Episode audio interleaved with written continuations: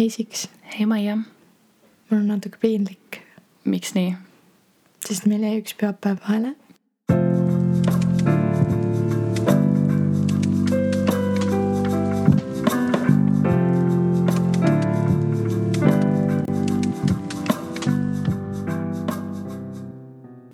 okei, okei, aga alustame nüüd korralikult.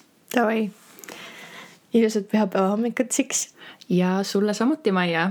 Me oleme tagasi arvutite ees, mikrofoni ees, uued põnevad teemad, millest rääkida.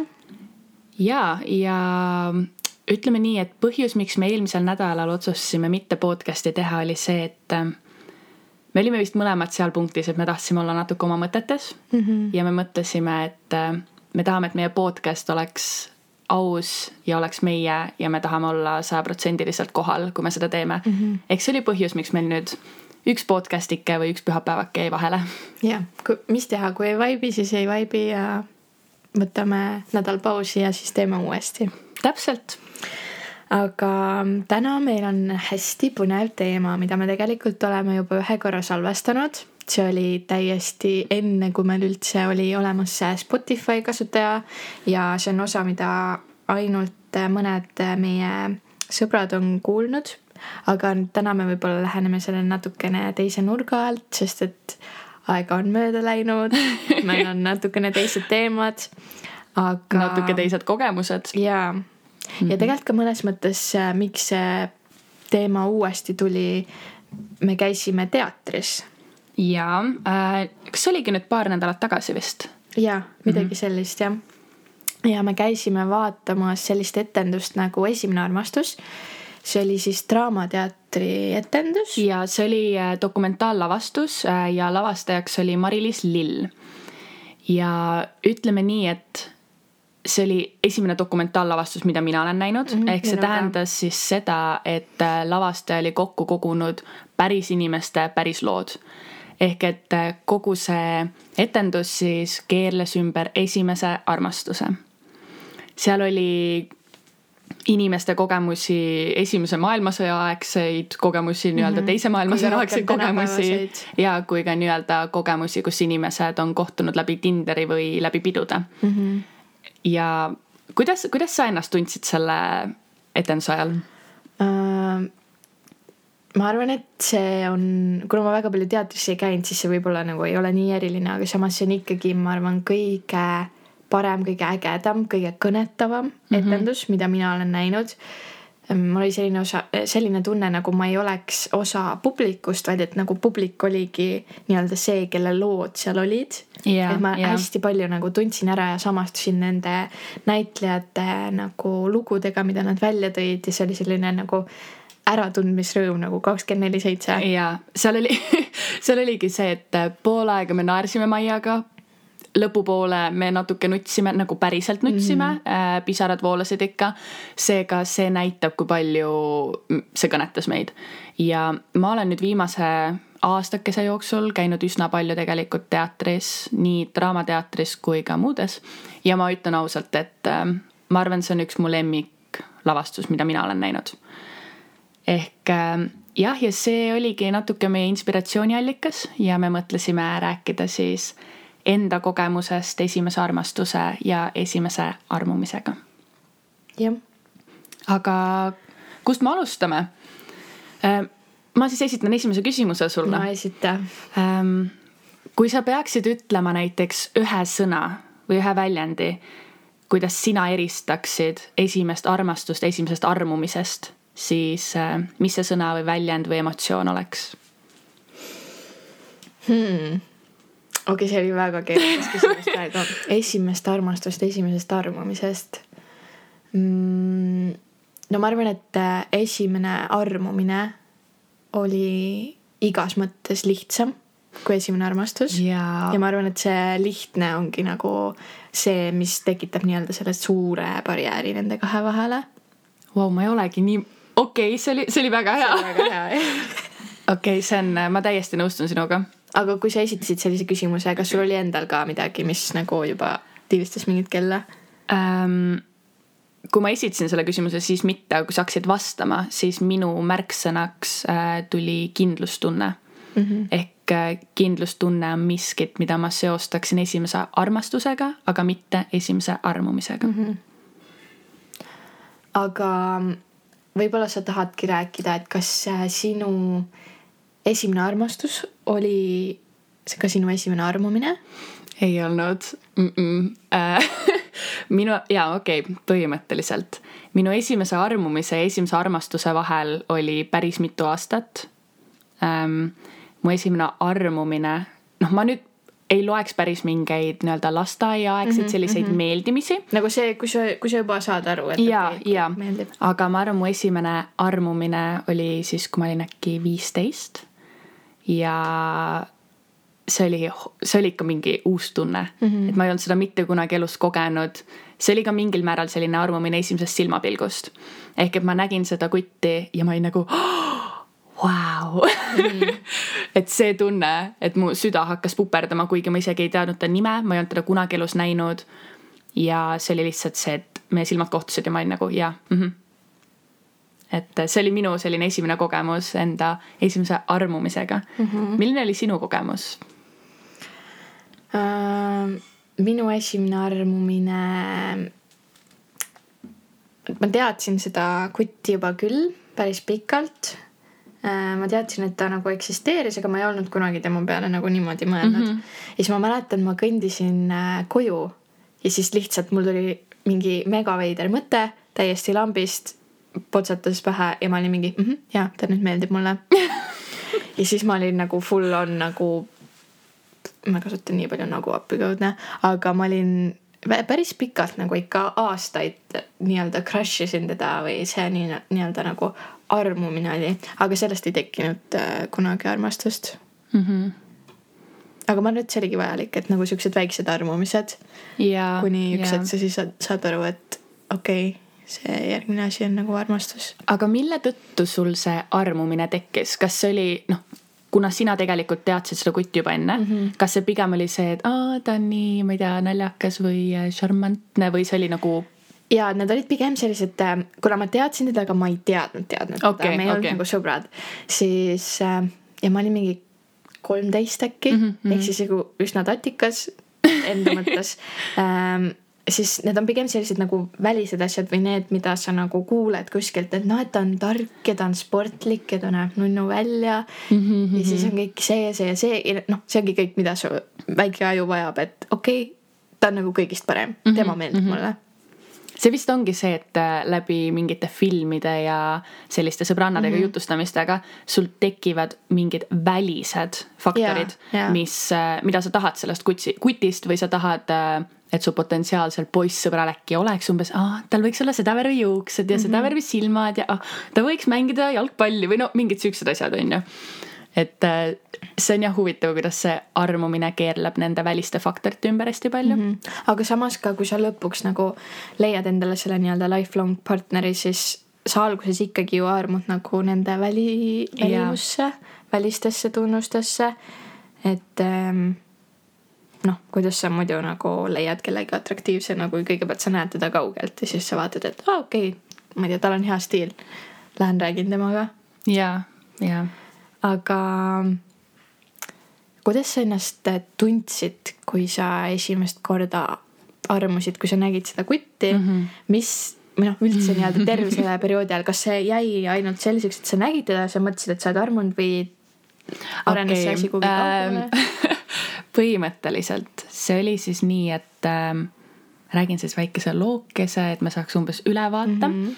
-hmm. ma olin siis viisteist, me käisime sõbrannadega suvel hästi palju ratastega ringi sõitmas, hästi palju kossu mängimas ja põhiliselt meil kujuneski siis äh, kodu lähedal selline vahva grupp inimesi, kellega me siis koos ringi liikusime.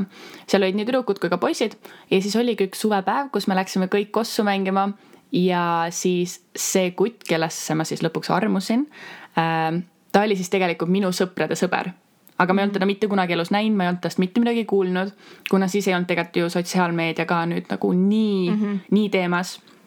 ma ei olnud nagu ühtegi pilti tast näinud ja siis põhimõtteliselt ta kutsuti ka meiega siis kossu mängima ja siis ta tuli äh, tuli enda musta värvi krossikaga kohale Uh. ja, ja, ja kõik teised olid ratastega ja siis ta oli krossikas. võib-olla see, võib-olla ma armusin krossikasse, tead, vaata, aga see ongi see, et tal oli, tal oli nagu mingi järgmine level. jaa, ta tundus See-, ta tundus hoopis jaa. midagi muud. ja siis ta sõitis meil sinna Kossu platsi kõrvale ja ma mäletan, ma vaatasin oma sõbrannale otsa ja ma olin mingi oh,, kes see poiss on?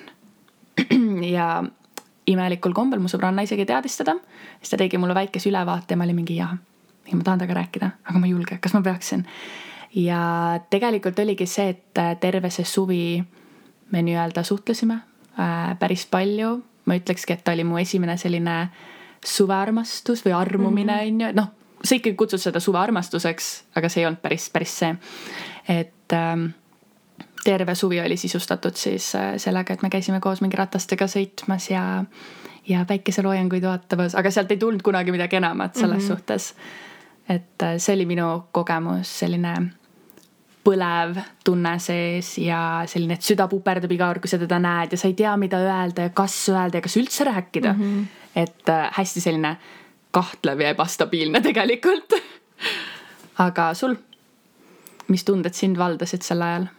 No mul oli üsna sama, et ka mingi süda puperdas mingi, kas ma näen teda mingi järgmise nurga taga või mm -hmm. kui sa näed ta sõpru kuskil või noh, tema seltskonna, kellega sa tead, et ta hängib umbes, siis oli see, et mingi, ah, kas ta tuleb ka või kas ta on ka kuskil jaa, sihuke see nagu- oli ülitihti. sihuke ootusärevus nagu, et Jaa. iga nurga tagant ta võib tulla. aga me kunagi noh, vähemalt tol hetkel, kui ma olin nagu algusarmumises, mis iganes, kui ma olin tatikas põhimõtteliselt mm, -hmm. siis selle nagu mina ei teinud ühtegi movie, tema ilmselt ei teadnud, et ma olemas olengi ja ma lihtsalt nagu niimoodi kuidagi kaugelt nagu crush isin teda. ja, ja, ehk siis jah, ma nagu lähemale kuidagi ei jõudnudki, et ma, mul olid lihtsalt siuksed natukene liblikad kõhus, kui ma nägin teda kuskil, aga kusjuures liblikad mm. -hmm. liblikad kõhus oli üks põhiline tunne, mida ma tundsin temaga. ehk et see oli näiteks see, et sa hakkad õhtul magama minema ja siis sa paned silmad kinni, siis sa mõtled ta peale ja sul tulevad liblikad kõhtu mm. -hmm. või näiteks sa näed teda kaugelt ja sul on liblikad kõhus ja jalad nõrgad. see on näiteks mingi asi, mida minu arvates, minu arvates esimese armastuse puhul oli võib-olla ainult alguses, aga mm -hmm. ühel hetkel see nii-öelda taandus et need liblikad ja nõrgad põlved ja segadus asendus selle kindlusega mm, -hmm. kodutundega, kõikide selliste asjadega. natukene suuremate tunnetega aga see ei tähenda, et liblikad kuhugi nagu ära kaovad lihtsalt. jaa, täpselt nagu..., nad tulevad harvemini välja võib-olla. aga kas su esimene armumine oli ka su esimene suudlus? jaa, oli küll. Nonii, kas sa tahad rääkida sellest? või ta tunneb ära ennast äkki? kusjuures ma arvan, et ta ei kuula meie podcast'i, aga kui sa oled seal, siis äh, hei sa tead, kes sa oled? jaa, täpselt, ei kohe kindlasti tunneb ennast ära. aga esimene armumine äh, oli juba veidi aega kestnud, kuni siis me jõudsime esimese suudluseni, see oli väga-väga ilus. me olime, istusime rannas, käisime just ratastega sõitmas kahekesi koos no oligi see, et tavaliselt me olime ikkagi seltskonnas, et me olime kõik koos ja siis me natuke crash isime teineteist kuskilt erinevatest toadstest. aga siis ühel hetkel me hakkasime natuke rohkem kahekesi väljas käima ja siis me läksimegi ratastega randa istuma. ehk et ähm, istusime seal, vaatasime päikeseloojangut, kuulasime merekohinat ja ma mäletan, et äh, mul lihtsalt, mu pulss oli mingi kolm tuhat viissada. ma istusin seal ja ma olin nagu oh,, issand, kas see, kas see on see hetk, kas mm, -hmm. kas ma saan oma esimese suudluse? Oh, mingi mis ma tegema pean, on ju, kas ma üldse oskan seda, et ma, ma ju ei tea, kas ma oleks pidanud kuidagi harjutama, et nagu hästi palju sellist kõhklemist. ja ma mäletan seda, et ühel hetkel ma sain aru, et ta vist tahaks mind suudelda. Ja ma lihtsalt vaatasin teisele poole, sellepärast ma ei julgenud talle otsa vaadata. ja siis ta oli väga viisakas ja ta tegelikult äh, küsis mult, kas ta võib mind suudelda. Aa, ja siis ma ütlesin talle väga-väga kõhklevalt ja, aga nagu ma tegelikult väga tahtsin mm.. sa lihtsalt nagu Ma kartsid, et sa ei saa hakkama. ja, ja siis äh, tuli mu esimene suudlus. ehk et äh, vähemalt mu esimese suudluse nii-öelda lugu oli üsnagi ilus, et mm -hmm. seda on tore jagada. kusjuures mul oli ka esimene arvumine nagu lõppes siis esimese suudlusega, nagu sai sama inimene mm. -hmm. aga ma, ma just hakkasin mõtlema, et huvitav nagu, kas kõigil on nii või lihtsalt on ka inimesi, kellel see esimene suudlus on nagu ülilamp olnud. kusjuures ma just hiljuti rääkisin kellegagi ja ma uurisingi, et aa, et aga kellega sul esimene suudlus oli mm. -hmm. ja kusjuures selgub, et päris paljud inimesed väidavad, et nad ei mäleta seda et see oli nagu, ah, see oli nii ammu, ma ei tea enam. või nad just räägivad, et aa ah,, et umbes olin kuskil, ma ei tea, peol või sünnipäeval või mis iganes ja siis umbes mingi, ah, seal suhtlesime. ehk siis see ongi nagu kas ülieriline või nagu. jaa, täpselt, või siis see lihtsalt tuli ja sa mm -hmm. nii-öelda oled selle matnud kuskile teiste mälestuste alla mm. -hmm. et selles suhtes äh, kõigil ei ole see vist äh, nii hästi meeles kuigi minu arvates see on sel hetkel nii oluline asi, et ma ei kujutaks ette, et ma selle ära unustaksin sest et see tunne oli midagi nii uut ja nii teistsugust kui need tunded või emotsioonid, mida ma olin enne eelnevatel aastatel tundnud mm -hmm., ükstapuha mis asjaga mm -hmm. seotult. aga see ongi nagu mingi järgmine eluetapp, et kuskilt keegi on nagu, näe palun, siin on sul uus tunne ja. nagu find someone aga kusjuures sellega suudluse teemaga nii-öelda jätkuks mm. -hmm. Mm, suudlemine on ikkagi üsna intiimne tegevus mm. -hmm aga mis on sinu arvates need muud tegevused, mis ei ole nii-öelda seksuaalselt intiimsed, vaid tekitavad sul kuidagi teistmoodi siiski selle intiimsuse tunde? liblikad mm. -hmm. Hmm. no näiteks üks asi, millest ma olen enne sulle ka rääkinud mm -hmm. ja nüüd mhm. sa, nüüd sa said seda kogeda ka üks päev ähm,.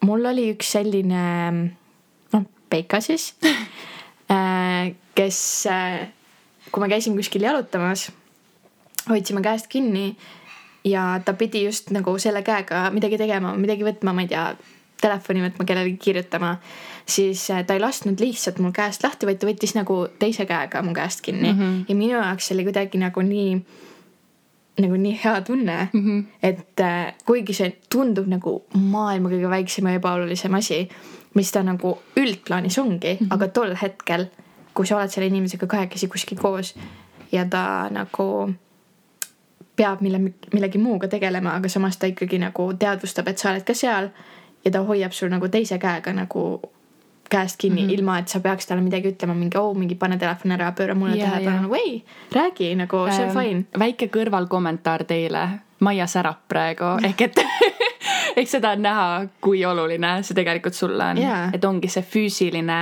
nii-öelda puudutus mm. -hmm ja see, et isegi kui ta teeb midagi muud, sa oled tal ikkagi number üks mm, -hmm. sa oled tal ikkagi meeles ja ta ei taha sust lahti lasta. jah ah, nagu see, et ta teeb seda kuidagi nagu alateadvuses yeah, nagu yeah. lihtsalt. ja siis sa tead, et okei okay,, ta tegi seda alateadvuses, aga nagu minu jaoks on nagu mm -hmm. number üks nagu praegu. okei okay., aga kas sul on ka midagi sellist äh,? Kuigi minu jaoks ka füüsiline puudutus on oluliselt kohal, siis äh, ma arvan, et üks kõige intiimsemaid asju mida mina praegu välja tooksin, on äh, silma vaatamine mm. -hmm. ehk oletame, see ongi see, et te sõidate autoga ja siis ta korra pöörab pilgu su poole ja siis te vaatate enne selle silma, te ei ütle mitte midagi. ja siis sa oled lihtsalt nagu ah, okei okay. mm -hmm. või näiteks äh, ma ei tea, te lähete kuskile sööma koos või ükstapuha, mida te koos teete. Ja ta vaatab sulle otsa see ei ole vahet isegi, kas ta räägib sinuga samal ajal ja siis ta hoiab silmsidet või te istute vaikuses ja ta vaatab sulle otsa ja võtab sul kätest kinni ja lihtsalt te olete. see on midagi nii, nii teistsugust minu arvates mm. -hmm. et äh, silmad räägivad kuidagi oma lugu minu arvates. jaa, see on nagu, ma arvan, number kaks mul mm. -hmm ja samas see on ka sõprade ja nagu niisama tuttavate puhul oluline, kui sa räägid nendega, et nad vaataks sulle silma, sest see kuidagi viib seal vestluse nagu teisele levelile. et noh, me samastume või nagu, et ma räägingi sinuga, mitte mm -hmm. ma mhm. lihtsalt ei vahi mingi lakke ükskõik mujale, et jumala eest ma peaks sulle silma vaatama. sest üks asi ongi kehakeel on ju, kuidas sa saad aru, et inimene on huvitatud su vestlusest, on huvitatud sinust mm, -hmm. aga teine asi on ju silma vaatamine see, et ta, pilk on naelutatud sinu peale, ta keskendub sulle, mitte yeah. mingi välismaailmale. ja te olete nagu oma väikeses mullikeses ja te lihtsalt kulgete. see on mm -hmm. kuidagi nii ilus. väga nagu poeetiline nagu. personaalset tähelepanu yeah, sellest yeah. inimeselt, mida keegi teine võib-olla ei saa. aga kui me tuleme nüüd tagasi selle Draamateatri lavastuse juurde mm. -hmm. seal näidati või noh, toodi välja üsna palju erinevaid selliseid armastuse liike. ja ma ei tea, sündmuseid, mis siis olid seotud armastusega. kas seal oli mingi kindel moment, mida vaadates sa, ma ei tea, see kuidagi kõnetas sind veel rohkem kui teised hetked või näiteks sa olid just nagu, et öö, sihuke asi võib ka juhtuda või mm? -hmm. Mm, seal oli hästi palju selliseid asju, millest ähm, meie kui nagu noored inimesed, tänapäeva inimesed saime aru ja, ja mida me võib-olla nagu, kui keegi küsikski, et aa, et mis on armastus või suhted, et nagu kuidas, kuidas, kuidas sa väljendad seda või kuidas sa seda nagu filmides mm -hmm. näed. mis oligi nagu seda oli hea vaadata, aga siis olid need ähm, osad, mis olid nagu niimoodi välja näideldud, et näiteks kaks inimest äh, rääkisid, chat isid siis äh, sõnumites mm -hmm. ja siis oligi poiss ja tüdruk ja siis see poiss nii-öelda kirjutas viiekümnele tüdrukule umbes õhtul hilja või kell üks öösel, et, et aa, tšau Sigrid, mis teed, tšau Maia, mis teed mm. -hmm. et äh, see kuidagi nagu, ma ei saa öelda, et ta puudutas mind, aga ma sain aru, et see on meie generatsioonile nagu eriline sihuke nagu tunnusjoon mm, -hmm. et see mhm. sotsiaalmeedia on tegelikult nii suur osa sellest ähm, kuidas meil see armumine ja armastus ja kõik hakkab kujunema. jah. sest reaalselt nagu ongi inimesed olemas, kes kirjutavadki öösel lihtsalt selleks, et tähelepanu saada. jah, või, või saada midagi muud, on ju. et äh, kuidas see nii-öelda tseen siis välja nägi, oligi see, et laval seisid kaks inimest äh,. tüdruk ja poiss, nagu Maia ütles ja mõlemal olid mikrofonid ees ja nad vaatasid publikusse ja nii-öelda lugesid välja neid sõnumeid, mida nad saatsid mm. -hmm. et see oli üsna jõuline ja üsna tugevalt tehtud tseen minu arvates mm. -hmm. ja see oligi see, et, äh, et see poiss siis kirjutas, oligi umbes mingi, ma ei tea, kümme tüdruku, kümne tüdruku nime vist on ju mainis seal ja üks tüdruk vastas mm. -hmm. ja siis ta oli nagu mingi, oh, sa oled nii ilus, oh, sa oled, äh, ma ei tea, nii imeline, kas ma võin sinu juurde tulla? et see, kuidas see kogu tseen või situatsioon eskaleerus, see oli kuidagi nagu. see puudutas sellepärast, et äh, ilmselt oleme olnud samas olukorras, mitte küll see, et sa võib-olla lubad nagu kellelgi siis lõpuks tulla enda juurde, aga, aga ma arvan küll, et ma olen rohkem kui viis korda olnud sellises olukorras, kus ma saan kas näppe või sõnumeid mingilt kutilt, kes ma tean, et kirjutab veel kümnele tüdrukule. ja sa tunned kuidagi ennast nagu väärtusetuna tol hetkel, kui ta mm -hmm. kirjutab, et nagu kas tõesti nagu ta kirjutab mulle, et ta arvab nagu minust nii vähe yeah., et ma olen selline. aga samas kui äh, see poiss, kes siis niimoodi kirjutab päris mitmele tüdrukule, see võib ka olla vastupidi, et see tüdruk, et tüdruk mhm. kirjutab poisile, aga noh, kuna me oleme hetkel seal punktis, kus ma olen pigem need tüdrukud olnud, äh, et äh, siis me räägime sellest poolest. aga et kui see poiss kirjutabki tüdrukule ja sa oled tüdruk, kellele päriselt meeldib see poiss, siis sa arvadki, et okei okay,, ei, ta ei, ta ei kirjuta ju kellelegi teisele ah, ta, kirjutab, ta kirjutab, ta kirjutabki mulle, ta tahab minu tähelepanu mm, -hmm. ma tahan tema tähelepanu, väga hea, me oleme yeah. samal lainel. et tegelikult nii kerge on armumise tõttu teha iseendale haiget, sest sul tekivad mingid lootused, mingid visioonid juba mm. -hmm. ja. isegi kui sa ei ole veel selle inimesega nagu kontaktis olnud. et äh, need lootused tänu sotsiaalmeediale tekivad ju nii kiiresti. see ongi umbes see, et sa paned Instagrami pildi üles ja siis sulle natuke meeldib keegi ja see keegi like ib su pilti. Ja mm -hmm. sa oled mhm. nagu oh, ta like'is mu pilti. Mm -hmm. ah ta tahab mind. Aga tegelikkuses kui paljude inimeste pilte sina like'id päevas on ju ja samas ka võib-olla teistpidi et see pilt mis üles pandi võib-olla ei peegelda tegelikult absoluutselt seda kes sa oled. Ma ei tea panedki pildi ülesse et ähm, noh kõige mm, mitterealistlikum näide aga et sul paned rahapataga nagu pildi üles on ju, siis kõik on mingi, aa ta on rikas, okei okay. mm. -hmm. ja väga paljud inimesed äh, võtavad seda kui nagu mingit omadust, et aa, mulle meeldivadki rikkad või noh, ma, ma olengi ja. alati tahtnud kellegagi koos olla, kes on rikas. ja siis see ongi see omadus, millest nad hakkavad kinni.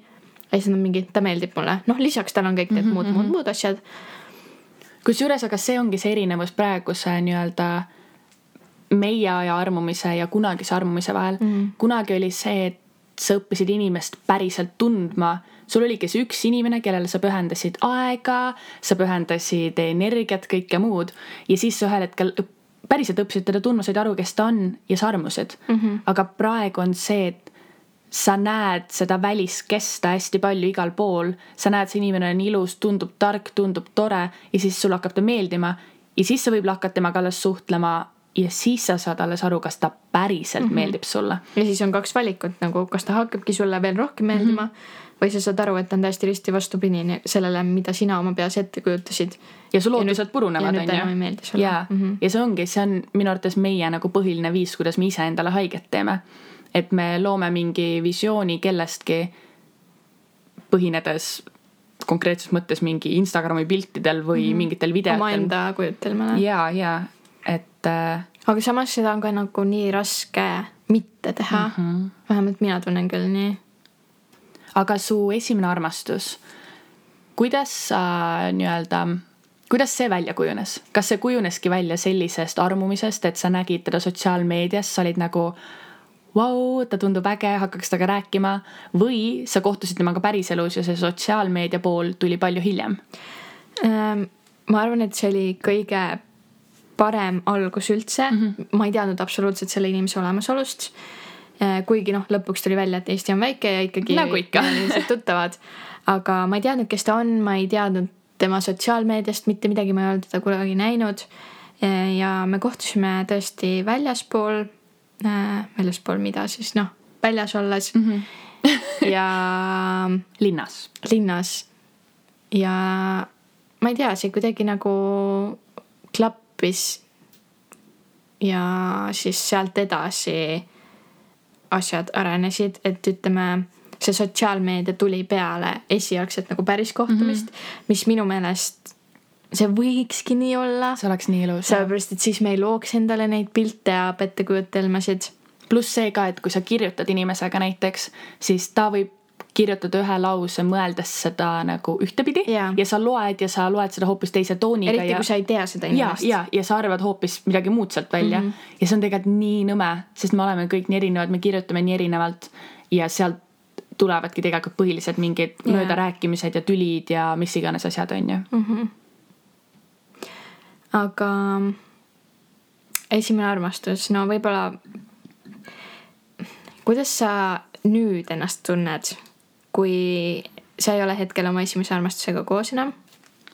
Stab väike sisemine jah. et äh, mis, ma tean, et kui me salvestasime seda paar kuud tagasi mm, -hmm. me olime mõlemad täiesti teises kohas ja me oleksime rääkinud hoopis teist juttu, aga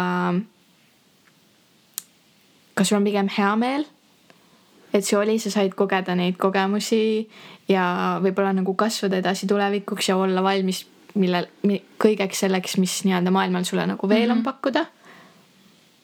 või tunned sa pigem mingil määral, et midagi oleks võinud jääda olemata? ma, ma olen selles suhtes üleüldse tegelikult see inimene, et äh, ma usun, et kõik, mis juhtus, pidi juhtuma mm. -hmm.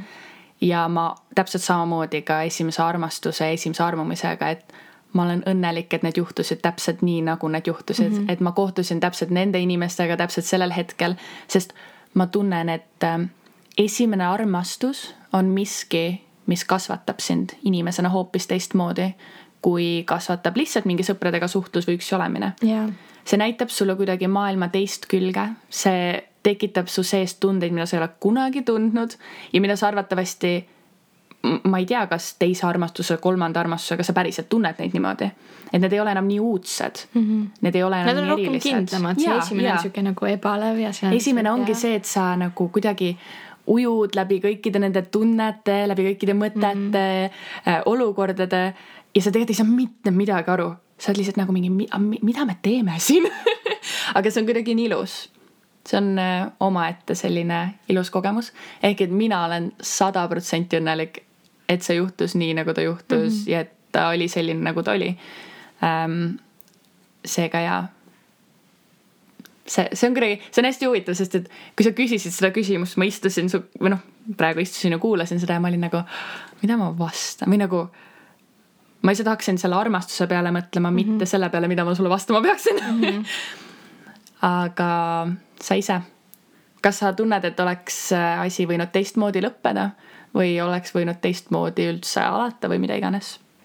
no täpselt samamoodi nagu sina, ma ei tunne, et see oleks võinud teistmoodi lõppeda, võib-olla alguses mm, -hmm. kui on nii-öelda see kõik ülesaamisperiood ja, ja kõik see, aga ma usun ka, et iga kogemus õpetab yeah. ja tegelikult ma olen nii tänulik kõige selle eest, kõige nende kogemuste eest, nii positiivsed kui ka negatiivsed. sellepärast, et need positiivsed jäävad mulle mälestusteks ja negatiivsed jäävadki kogemusteks. õppetundideks. õppetundideks, mida edaspidi nagu vältida, mida võtta red flag idena mm. -hmm. et ähm, jah, ma arvan, et ma ei muudaks midagi. okei okay.. võib-olla lihtsalt nagu oleks ise natukene täiskasvanulik, täiskasvanulikum olnud mõnd-, mõndades olukordades, aga aga vot see ongi, sa ei saa enne yeah. ju teada saa seda, kuidas sa oleksid tahtnud mm. -hmm. käituda. aga sa praegu mainisidki, et red flag mm. -hmm. mis on sinu jaoks, no me teame kõik, et umbes, aa, kui poiss näeb selline välja või käitub nii, siis ta meeldib mulle. aga mis on mingi red flag, mis nüüd su elu jooksul on koge-, nagu kujunenud, et kui sa nüüd näed seda kutti, sa oled nagu äh, äh, ei. Või kas kas sul on üldse midagi sellist? ma ütleks, et äh, esimene asi, mis mul praegu pähe, mhm. pähe tuli, võib-olla pärast tuleb midagi veel, aga üle ebakind-, üle kin-, ei oota, kuidas, kuidas inglise keeles on overly confident, liigne enesekindlus. liigne enesekindlus. üle ebakindlus. liigne liigne enesekindlus. Ja nagu Jaa. see väljendub nii inimese hoiakus kui ka selles, kuidas ta räägib sinuga mm. -hmm. sest mulle natukene ikkagi meeldiks see, et, et kui sa kohtud uue inimesega, siis mõlemal on selline kerge värelus sees või noh, sa ei tea võib-olla millest rääkida või küsidki mingeid täiesti lambiseid küsimusi, aga mitte see, et mingi vend tuleb su juurde, on nagu, jõu nagu mingi, nüüd ma ostan sulle kaks äh, tequila šotti ja siis me teeme seda ja siis homme me lähme välja, nagu see mulle ei meeldiks. ausalt, ma tegelikult tahaks praegu megalt filmida sind nagu see, kuidas sa kirjeldad seda olukorda ja see kehakeel ja need liigutused, mis sa teed, see nagu, see lisab seda spice'i hetkel. aga see on see, mida mina väldiks. ja, ja igatahes vähemalt meie kuulajad kuulevad, mida sa mõtled, isegi kui nad ei näe hetkel ma loodan, seda et kõigile maaliti nüüd mingi pilt silmade Jah. ette. aga sinu äh, red flag'id, esimene, mis pähe tuleb? äh, probleemne inimene ma ei tea, sa panid mind väga, väga hotspot'i hetkel selles suhtes, et äh, kõik, kõik on valesti. see inimene, kellel on Red flag'id, probleemne inimene, kõik on valesti. see, noh, vaata nagu me rääkisime enda eelmises episoodis energiavampiiridest mm. -hmm. et need on need inimesed, kellel on kogu aeg midagi valesti okay.. Mhm. kogu aeg, kogu aeg on teistega midagi valesti, on enda elus midagi valesti. inimesed jah nagu., negatiivsus, ma arvan, et see on mingi red flag ehk et kunagi ma vaatasin inimesi, kellel oli hästi palju muresid äh, justkui inimestena, keda ma saan aidata mm. -hmm. Ja ma nägingi, et aa, okei okay,, tal on see mure, see mure, see mure, ma, ma tahan tal olemas olla, ma arvan, et ma olengi äkki ainuke inimene, kes, kes ta elus on, kes mm -hmm. saaks teda aidata. aga nüüd ma nagu kuidagi vaatan seda võib-olla teistmoodi mm. -hmm. muidugi meil kõigil on enda mured, probleemid ja armastus ongi see, et su partner aitab sul sealt läbi tulla. aga see ei saa olla vaata ühepoolne. ehk et äh, ongi inimesed, kes on nagu tõesti võib-olla isegi mitte see, et neil oleks lihtsalt nagu raske elu ja ongi raske moment, vaid nad ongi negatiivsed iga asjaga, mis juhtub. ehk juhtub mingi olukord umbes, umbes üheksakümmend protsenti sellest on positiivne, kümme on negatiivne ja ta keskendub sellele kümnele mm. -hmm. see on see, mida mina võib-olla pigem ei tahaks näha enda partneris, sest ma ise olen just see, kes keskendub sellele üheksakümnele ja ma olen nagu okei okay,, meil läks see ja see valesti, aga seal oli see, see, see, see, mis tegelikult läks hästi, ehk et suurem osa oli tore. et ma arvan, et see on minu mingi selline red flag mm. -hmm. see negatiivne ellusuhtumine, vot negatiivne ellusuhtumine yeah.. see on päris hea, mul on ka see red flag. ja ma arvan, et paljudel inimestel, kes on endaga jõudnud sinnamaani, et, et nad teevad tööd ja lahendavad ise oma probleeme. jah. aga mis sa arvad, kuidas kujuneb välja armastus? kas ähm, noh, nagu me ütlesime, siis meie esimesed armumised ei olnud esimene armastus mm. -hmm. miks need ei jõudnud armastuseni või kui, kas sa saad üldse seda nagu kuidagi takka sundida? ma arvan, et kui sa oled kolmteist ja viisteist, siis sa ei ole veel valmis armastuseks, vaid sul ongi neid mitmeid-mitmeid armumisi vaja. et kõigepealt sa saaksid seda tunnet tundma üldse, sest kindlasti esimene inimese, inimene, kellega sa kohtud ja kelle vastu sul võib-olla tekivad sellised tunded, ei pea tingimata olema see ainukene ja õige mm. -hmm. käi, koge erinevaid red flag'e, green flag'e saadki nagu üldse, ja jaa. saadki neid nii-öelda kogemusi, sul on endal mingi väike pagas ja siis lõpuks see inimene, kellega sa kohtud, te panete oma pagasid kokku ja teil on mingi okei okay, mm. -hmm. Need on sinu traumad, need on minu traumad, mulle meeldivad need asjad, sulle meeldivad need asjad. Let's make it work. jah, me leiame kompromisse, on ju. Et kui sul on see kogemuste pagas juba all, sa oled suhelnud erinevate inimestega, sa saad aru, mida sina otsid sellest nii-öelda potentsiaalsest partnerist Jaa. siis sul on tegelikult nii palju lihtsam, äh, et see, kelle sa lõpuks leiad, et see hakkab sul päriselt töötama. pluss tegelikult ka see arusaam, et äh, kui sa oled kolmteist, viisteist, isegi kaheksateist ja sa ei ole veel ennast leidnud, mis on nii tavaline mm -hmm. selles suhtes, et sa, et sa küll arvad, et nagu sul on kõik olemas ja sa tead kõike mm -hmm. ja sa oled selleks valmis, siis sa tegelikult, tegelikult sa ei ole.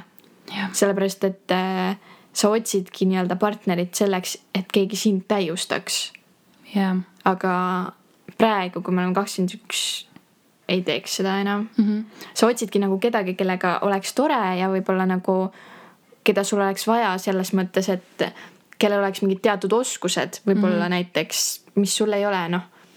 ma isegi ei hakka siia midagi tooma, kõigil on oma mingid teemad, aga, aga mitte selle jaoks, et sul on elust midagi puudu, et sul on nagu armastusest puudu mm. -hmm see on kusjuures üks asi, mis äh, mul on ka nüüd välja kujunenud. et issand, ma, ma täna pudistan hästi palju nagu ma okei. ma, ma ütlen sõnu ja siis need kõlavad hästi imelikult. aga äh, mis mul on välja kujunenud, ongi see, et kunagi ma otsisin äh, võib-olla enda kõrvale inimesi, kes oleks minu õnn mm, -hmm. oleks minu positiivsus. ja siis juhtuski see, et kui minu ja tema vaheline asi ei töötanud, siis kui ta kadus ära mu elust, vahet ei olnud, kas see oli sõber või midagi enamat, siis ma olin katki ja ma olin kurb mm. -hmm. nüüd ma olen jõudnud sinna punkti, et mul on enda õnn, mul on enda positiivsus, ma armastan maailma ja ma armastan ennast ja nüüd ma otsin inimest, kes lisab sellele õnnele juurde. Ja see on ka võib-olla põhjus, miks me oleme natuke kriitilisemad. et me oleme ka üksi õnnelikud, me naudime maailma, kõike muud, seda, mida elul pakkuda on. ja me ei vaja enam inimest, kes lihtsalt oleks meie õnn, vaid me tahame, et ta lisaks meie õnnele juurde, et me saaks nagu kuidagi mm -hmm. sümbioosis edasi see oli nii liikuda. ilus sõnastus praegu wow.. me muutume väga poeetiliseks vahepeal väga poeetiliseks. aga kuidas sa näiteks tunned selle koha pealt, et kui sa oled natuke noorem ja niikuinii hormoonid lendavad, on ju. sa tunned kõiki asju nii palju, kõik on nii uus, kõik on mingil määral nii segane. kuidas selle kõigega toime tulla?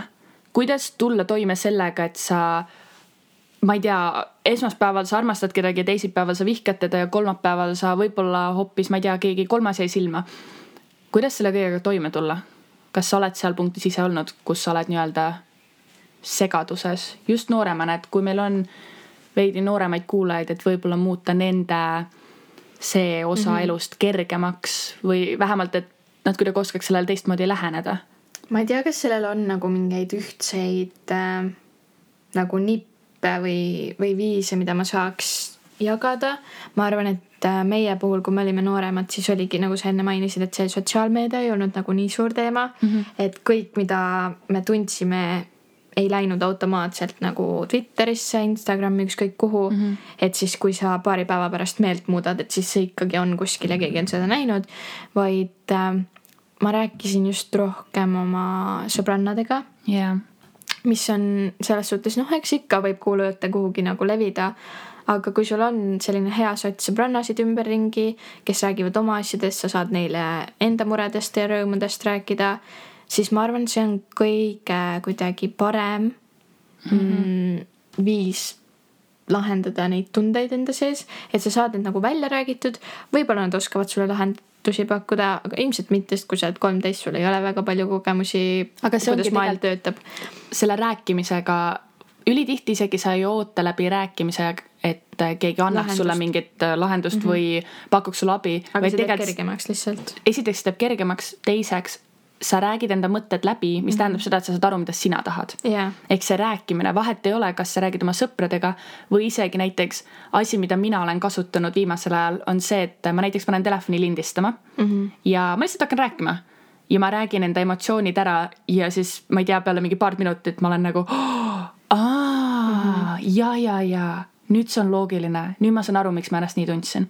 et see on mingi asi, mida ma olen nüüd paar korda kasutanud äh, ja mis on mul päriselt töötanud ma tegelikult arvan ka see, et kui sa oled noorem, siis äh, arvan ka seda, mitte arvan ka see. arvan ka seda jah. mõlemad on lappes täna äh,. kohe on näha, et meil on üks pühapäev vahele jäänud. jaa, aga kui sa oled noorem, siis sa kuidagi tunned palju rohkem ja palju jõulisemalt. jah, ehk siis, kui sa oled rõõmus, siis sa, sa oledki nagu ülevoolavalt rõõmus kuni mingi naerupisarateni. aga kui sa oled kurb või kuri, siis sa, su pisaratel nagu ei ole lõppu jah, et ma mäletan neid kordi nagu nii selgelt, kuidas ma, ma ei, ma ei tea, mis olukorrad need olid, aga ilmselgelt kuidagi milleski ma pettusin või kelleski ja ma nutsin oma voodis ja ma võisin tunde järjest nutta hüsteeriliselt Jaa. sellepärast, et ma mõtlesingi selle olukorra nagu enda jaoks nii hullult, hulluks ja et see oligi maailma lõpp. aga nüüd, kui ma olen sattunud samasugustesse olukordadesse, siis ma võin lihtsalt õlgu kehitada. mõnes mõttes see on nagu positiivne, teises mõttes võib-olla negatiivne, et ma tahaks vahepeal neid emotsioone tunda. aga mis mu mõte oli, oligi see, et kui sa oled noor, siis äh, see on okei okay, tunda neid emotsioone ja tunda neid täiega.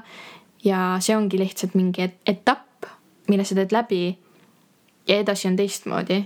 Et sa ei jää sinna kinni, sa ei jää iga õhtu kaheks tunniks nutma. sest ma mõtlengi seda, et äh, nagu sa ütlesid, kasutasid sõna maailma lõpp mm. -hmm. mul oli terve aeg, sa rääkisid, oli peas see sõna, et kõik asjad tundusid nagu maailma lõpp mm. -hmm. vahet ei olnud, kas see oli see, et umbes su vanemad ei luba sul õue mängima minna või äh, ma ei tea, sa leppisid kellegagi plaanid kokku ja nad ei saa ikkagi tulla see kõik tundus nii, nii oluline mm. -hmm. aga see oligi sellepärast, et me olime nii sõltuvad sellest, mida teised meist arvasid ja nii sõltuvad üldse välistest faktoritest mm. -hmm. sest et koheselt, kui sa hakkad sõltuma rohkem iseendast ja sa oled nii palju juba sarnaseid emotsioone kogenud, siis kõik, mis peale tuleb, on see, et okei okay,, me oleme selle läbi teinud ja me teame, et me konkreet-, me jääme elama, me päriselt jääme mm -hmm. elama ja päriselt tulevad paremad päevad. ehk et minu arust ongi see, et selle nii-öelda ebastabiilse perioodi või selle segaduse perioodi, selle peab läbi käima. Sest et need on, see on esimest korda elus, kui sa neid emotsioone tunned jah, päriselt tunned. ja tänu sellele perioodile paar aastat hiljem, isegi võib-olla paar kuud hiljem, kui need sarnased olukorrad juhtuvad, sa oled nagu, aa, okei okay,, jah, no, nojah, et oleme siis veits aega kurb, kuri, aga elu liigub edasi, meie elu liigub edasi. et võib-olla see on see mõte. ja paremad asjad on veel tulekul. ja, ja et võib-olla see on see mõtteviis, mis võiks äh, päriselt aidata. Ma just mõtlen, et äh, ma kunagi ei saanud aru, miks äh, vanemad inimesed ütlesid, et äh, teismeline on üliraske olla. ja siis nüüd, olles selle ise läbi teinud ja natuke aega edasi, siis ma ei, ma ei imesta, et nad ütlevad seda, sest et mina ei tahaks seda teist korda Ei. enam läbi teha. see oligi, mingil määral oli hästi tore periood, sest et sul oli teistsugused kohustused mm, -hmm. teistsugune, teistsugune elu üldse. Nagu aga... elu oli lihtsam, aga emotsioonide poole pealt See oli nagu nii palju raskem. tunnete virvarr kogu aeg. sellepärast, sellepärast mind häirib see, kui vanemad inimesed ütlevad, et äh, umbes, aa, sa oled teismeline, issand, sul ei ole probleeme, naudi elu. on küll, see, et meie probleemid ei ole see, kas me suudame ära maksta mingi, ma ei tea, üüri või osta selle paki piima, sest suurem osa siiski meie vanematest teevad seda, on ju, selle muretsemise osa, siis see ei tähenda, et meie probleemid on kuidagi väiksemad. see, sest tol hetkel me ei tunnegi teisi suuremaid probleeme ja need probleemid, mis meil on, tunduvad nagu tohutu suured. ja, ja, ja see ongi, see on okei okay. mm. -hmm. ehk et minu arvates nii-öelda asi, mida võib-olla vanemad inimesed võiksid meeles hoida, ongi see, et ära vähenda enda, ma ei tea, lapse või õdede-vendade probleemide tähtsust mm. -hmm. ehk ära ütle neile seda, et ah, issand, see on nii väike pro probleem, et nagu, mis sa põed. see läheb homseks, homseks läheb üle, kõik on okei okay.. ei, sest sel hetkel see on terve meie maailm. jah. tead, mis on üks asi, millest me veel ei rääkinud? Nonii oota, kus see nüüd oli? kuidas äh, esimesel armumisel ja armastusel vahet teha või noh, üldse armumisel ja armastusel. võib-olla nagu siia lõppu mingi kiire kokkuvõte, kui keegi nüüd mõtleb, et mm, mul on nagu Peika või tüdruksõber praegu, aga ma ei tea, kas ma olen nagu armunud või ma armastan teda. siis kuidas sina tegid vahet kõige esimest korda, kui sa aru said, et okei okay,, see on nüüd vist armastus? seda on, ma arvan, seda on keeruline sõnadega seletada, sest see on, mm, kuigi armumine on hästi tugev tunne, siis armastus on seesama tunne korda kakskümmend viis. Mhm. pluss, nagu ma ütlesin ka tegelikult äh, nüüd selle podcast'i alguses meil, et minu jaoks see erinevus seisnes selles, et äh, armastus oli justkui kodu Mhm. see kodune tunne, see, et äh, sa ärkad hommikul üles ja sa ei pea mõtlema sellele, et issand, miks ta mulle tere hommikust pole kirjutanud või appi, et äh, ma ei tea, ta eile õhtul ei soovinud mulle head ööd. vaid see on see, et sa ärkad hommikul üles, sa elad oma elu natuke, sa helistad talle, sa oled mingi tšau, kuidas sul läheb, mis sa teed, et see, et see kindlustunne Mhm. nagu, et sa oled kindel, sa tead, et sa tead, et ta on olemas, vahet ei ole, kas ta kirjutab sulle või helistab sulle või vahet ei Mhm. ole, kas te ei ole paar päeva näinud. vaid sa tead seda, et kui sa teed hommikul silmad lahti, ta on tegelikult su elus olemas ja sa tead seda, et ta armastab sind. ehk et ta ei tekita sinus segaseid emotsioone, vaid ta on olemas ja ta näitab seda välja, et ta armastab sind mm. -hmm. just see võib-olla emotsioonide stabiilsus ehk et sa ei pea pidevalt muretsema, et issand, kas ta on praegu kellegi teise juures, kas ta praegu mingi kirjutab teiste inimestega, miks ta mulle kirjutanud ei ole kaks tundi, mis ta teeb? et nagu selline, mis see on, obsessiivsus? jah, et selle puudumine, sa ei ole enam obsessed selle inimesega, vaid sa lihtsalt, kui sa mõtled ta peale, siis sa naeratad ja sa oled mingi "Hm, minu inimene kinnisidee on obsession. jaa, on tõesti.